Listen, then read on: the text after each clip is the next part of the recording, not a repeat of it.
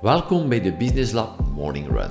Als je een eenmanszaak of een kleine BV hebt, dan is deze podcast voor jou.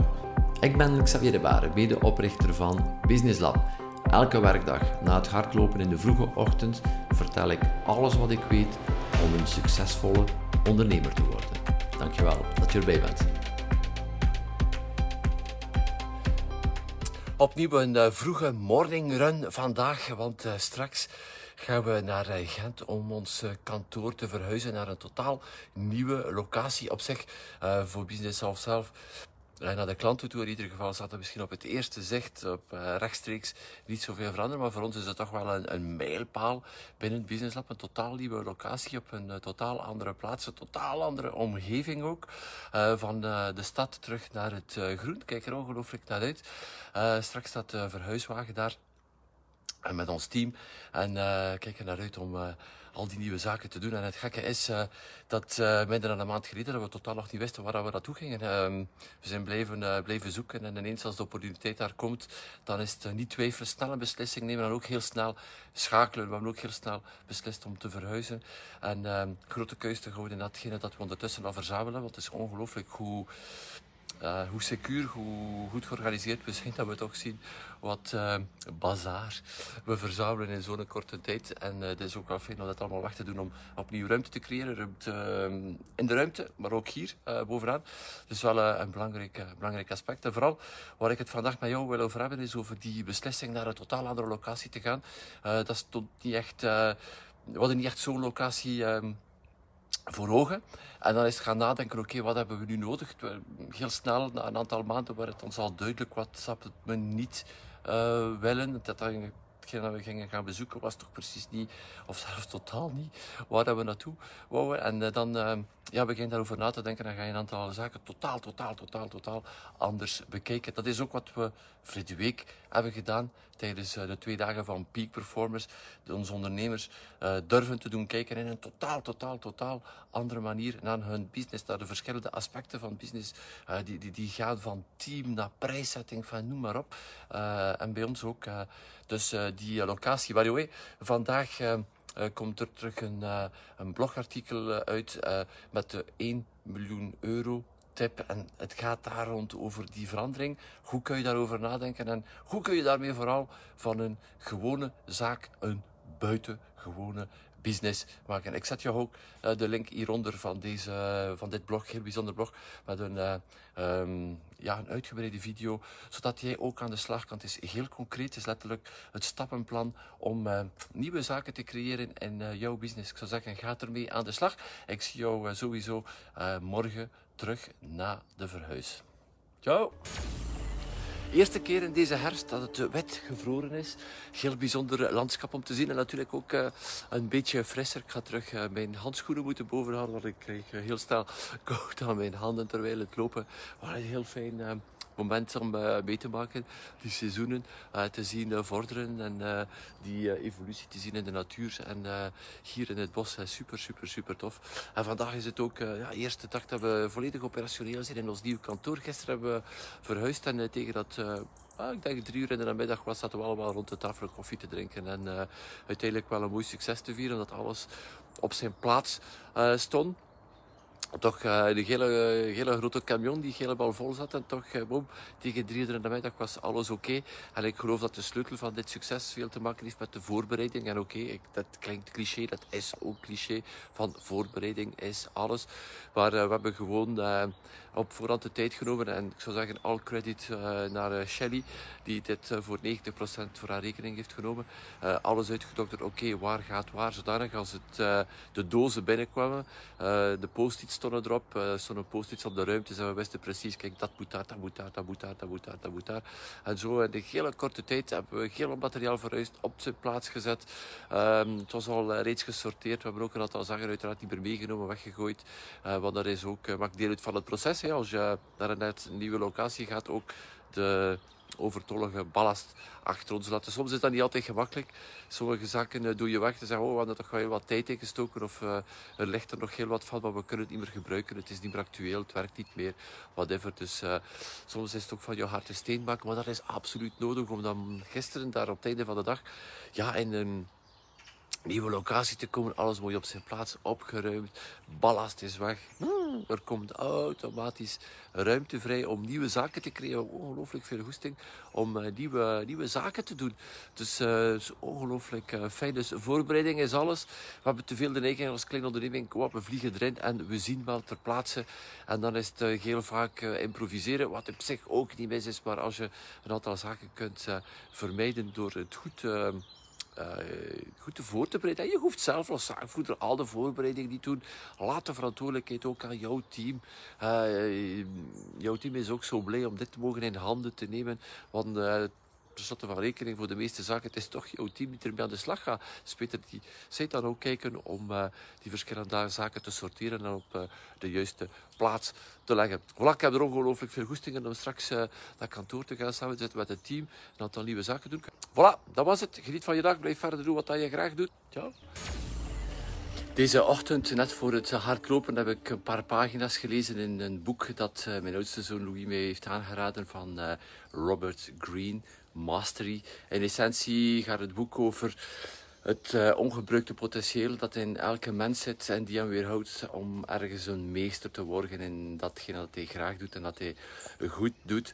En helemaal in het begin van het boek uh, heeft de auteur het over de evolutie van de mens. En uh, ja, de mens is er maar gekomen een paar miljoen jaren geleden. Uiteindelijk is dat heel weinig als dat vergelijkt met uh, de volledige geschiedenis van onze aarde, die toch wel 5, 6 miljard is, dacht ik. Het is echt zo een klein, klein, klein, klein, klein stukje.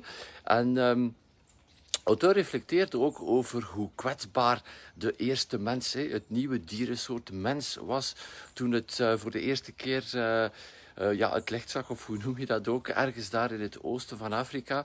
Uh, een dier die recht liep en uh, die uiteindelijk wel heel, heel kwetsbaar was. Want vergeleken met de andere vierpotigen, om het zo te zeggen, die waren allemaal een heel stuk sneller. En de mens die liep recht en dat kwam gewoon zijn benen, die was sowieso minder snel dan al de andere dieren. was ook een gemakkelijke prooi uiteindelijk voor de andere diersoorten rond hem. En uh, het is ook ergens wel een klein beetje geluk dat uh, het dier mens het heeft overleefd, want uiteindelijk had het ook niks om zich verder te verdedigen. Geen gif, geen klauwen, geen gespierde voorarmen of whatever om een gevecht aan te gaan. Dus uiteindelijk wel een vrij kwetsbare mens. En wat maakt het dan ook dat die mens dat overleefd heeft? Wel, er zijn uh, een, de eerste theorie uh, vertelt dat uh, de mens ongelooflijk goed is geworden omdat hij hele bijzondere handen had. Hè. De, de uiteinden van zijn, zijn poten waren heel bijzonder met die duim en die fijne motoriek. En die handen kon hij enorm veel met doen. Dat een gewoon dier dus niet kan. En dat, dat zou het verschil gemaakt hebben. Maar iedere auteur gaat een volledige andere tour op. En ondertussen is dat ook stilaan bewezen. Er zijn twee andere zaken die het verschil gemaakt hebben. Vandaag deel ik met jou het eerste. Het zou het visuele zijn die uh, het verschil in eerste instantie heeft gemaakt met de mens. Het, uh, de twee ogen naast elkaar, waar de meeste dieren de ogen langs de, elke kant van hun uh, kop staan.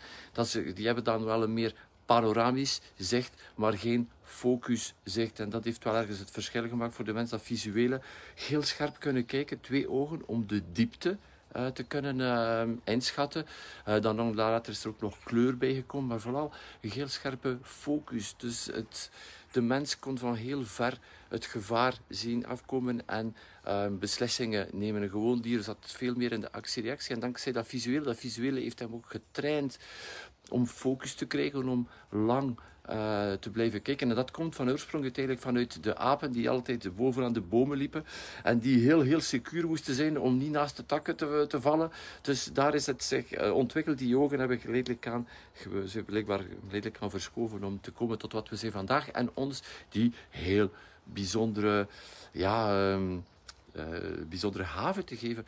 Dat, dat zegt. En um, wat in het oorsprong het verschil heeft gemaakt bij de mens. Het focus kunnen kijken, het goed kunnen kijken, heel, uh, heel scherp kunnen kijken naar uh, de zaken om uh, het gevaar te voorspellen en maatregelen te treffen. Spijtig genoeg zie ik vaak vandaag dat, zeker bij ondernemers, dat ze dat talent uiteindelijk niet meer gebruiken. Die speciale gift dat we hebben om te kijken in de toekomst, daar goed naar kijken en nu beslissingen nemen om zaken te, te, vermijden die eventueel kunnen gebeuren. Want succes van onderneming heeft evenveel te maken met datgene wat je in de wereld zet, dan het vermijden van hetgene die kan verkeerd lopen. En dat is iets waar heel weinig ondernemingen mee bezig zijn.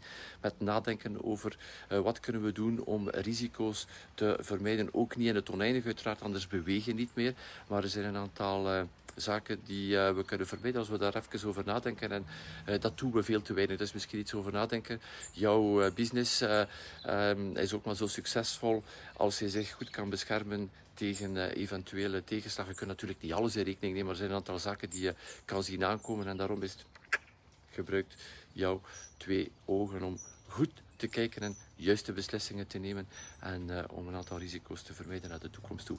Voilà, dat was het uh, voor vandaag. Morgen vertel ik jou het tweede deel, wat van de mens iets heel bijzonders heeft gemaakt. Eerst hadden we het visuele, morgen vertel ik jou het vervolg. Voilà, voor de rest maak er een fijne dag van. Ik zie jou graag uh, terug morgen vrijdag. In de vorige morning run had ik het met jou over de evolutie van de mens. En er waren blijkbaar twee zaken die de mensen gaan onderscheiden van de andere dieren. Het eerste, waarover ik het uh, gisteren had, was uh, uh, visie.